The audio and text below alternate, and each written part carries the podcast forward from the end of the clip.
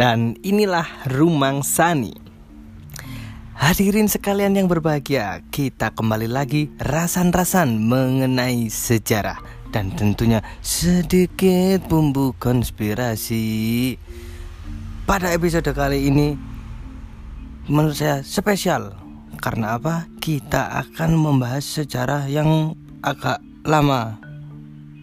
Agak lama dari seperti biasanya lama sekali karena kita akan membahas sejarah kerajaan yang ada di Indonesia.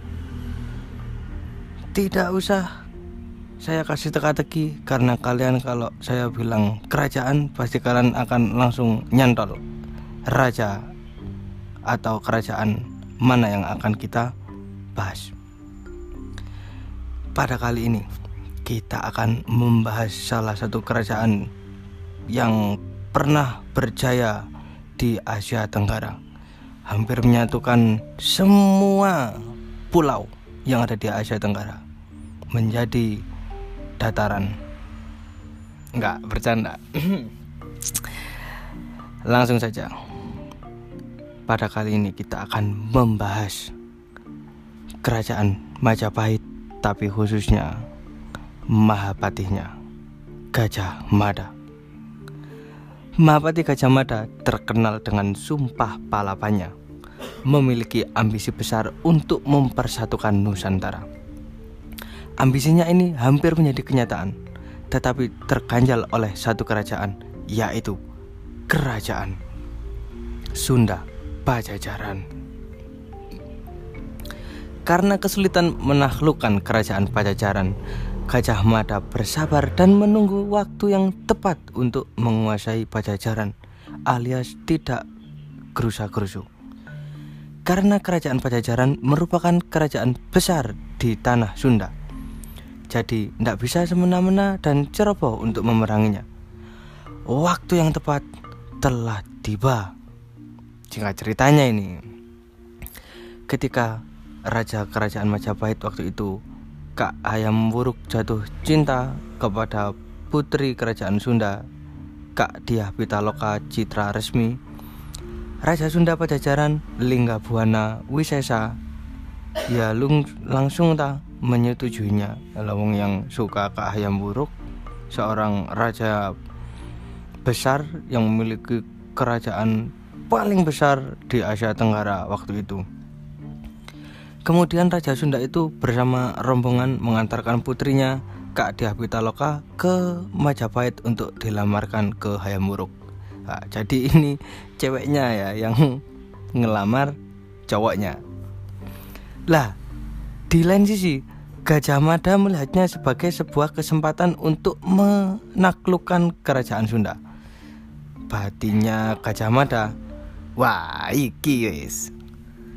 Ketika tiba rombongan Pajajaran berada di Bubat, wilayah yang masih merupakan kekuasaan Majapahit, Gajah Mada mencegahnya. Gajah Mada menginginkan Diah Pitaloka Citra resmi diserahkan ke Majapahit sebagai upeti dari Pajajaran kepada Kak Hayam Wuruk.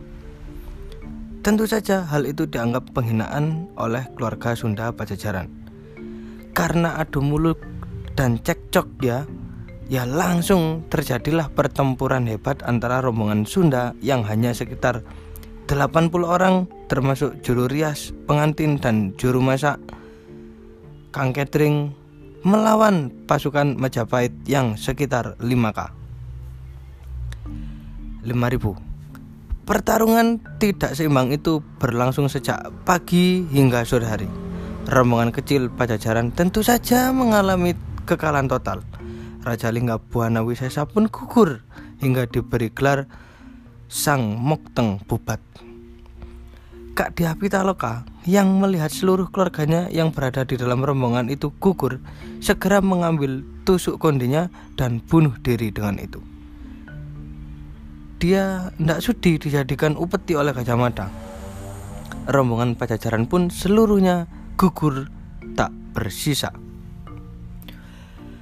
Raja Hayam Wuruk yang belakangan baru mengetahui peristiwa itu lalu beliau menyesal. Beliau insecure dan anxiety. Ya marah, ya sedih, Ya kalau pokoknya semburat bukan main. Padahal beliau sudah membayangkan nikmatnya hidup bersama Kak Diah Pitaloka Citra Resmi yang cantik jelita. Ia sudah memilih putri pajajaran itu untuk dijadikan istrinya.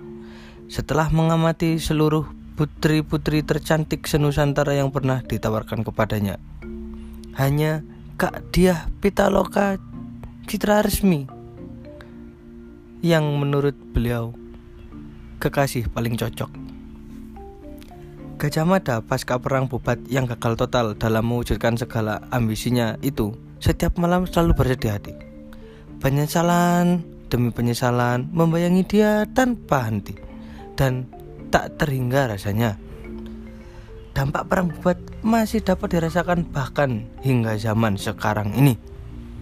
Kematian seluruh anggota rombongan kerajaan Pajajaran tersebut menyisakan duka mendalam bagi rakyatnya, yaitu masyarakat Sunda, sehingga muncul larangan untuk menikah dengan orang Jawa. Hingga sekarang, mitos tersebut masih ada dan dipercaya sebagian masyarakat, terutama yang masih berdiam di pelosok.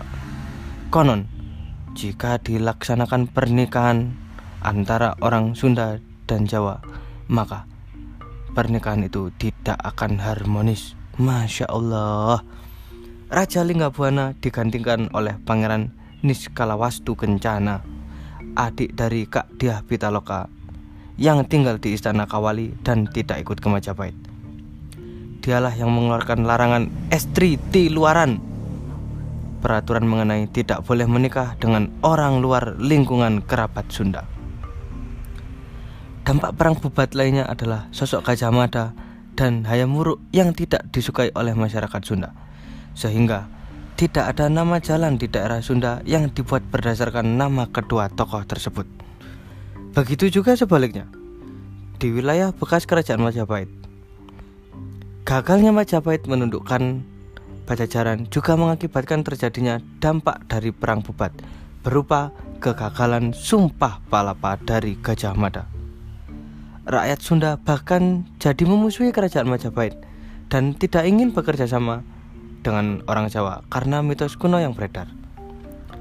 Walaupun Raja Linggabuana adalah pemimpin yang dipuja oleh masyarakat Sunda dan diberi julukan sebagai Prabu Wangi berkat keberaniannya melawan pasukan Majapahit, dampak dari perang bubat membuat raja yang bahkan lebih termasyur lagi muncul sebagai penggantinya putra dari Linggabuana yang tidak ikut dalam rombongan kemudian diberi kehormatan sebagai raja bergelar Prabu Siliwangi yang berarti keturunan raja yang harum namanya.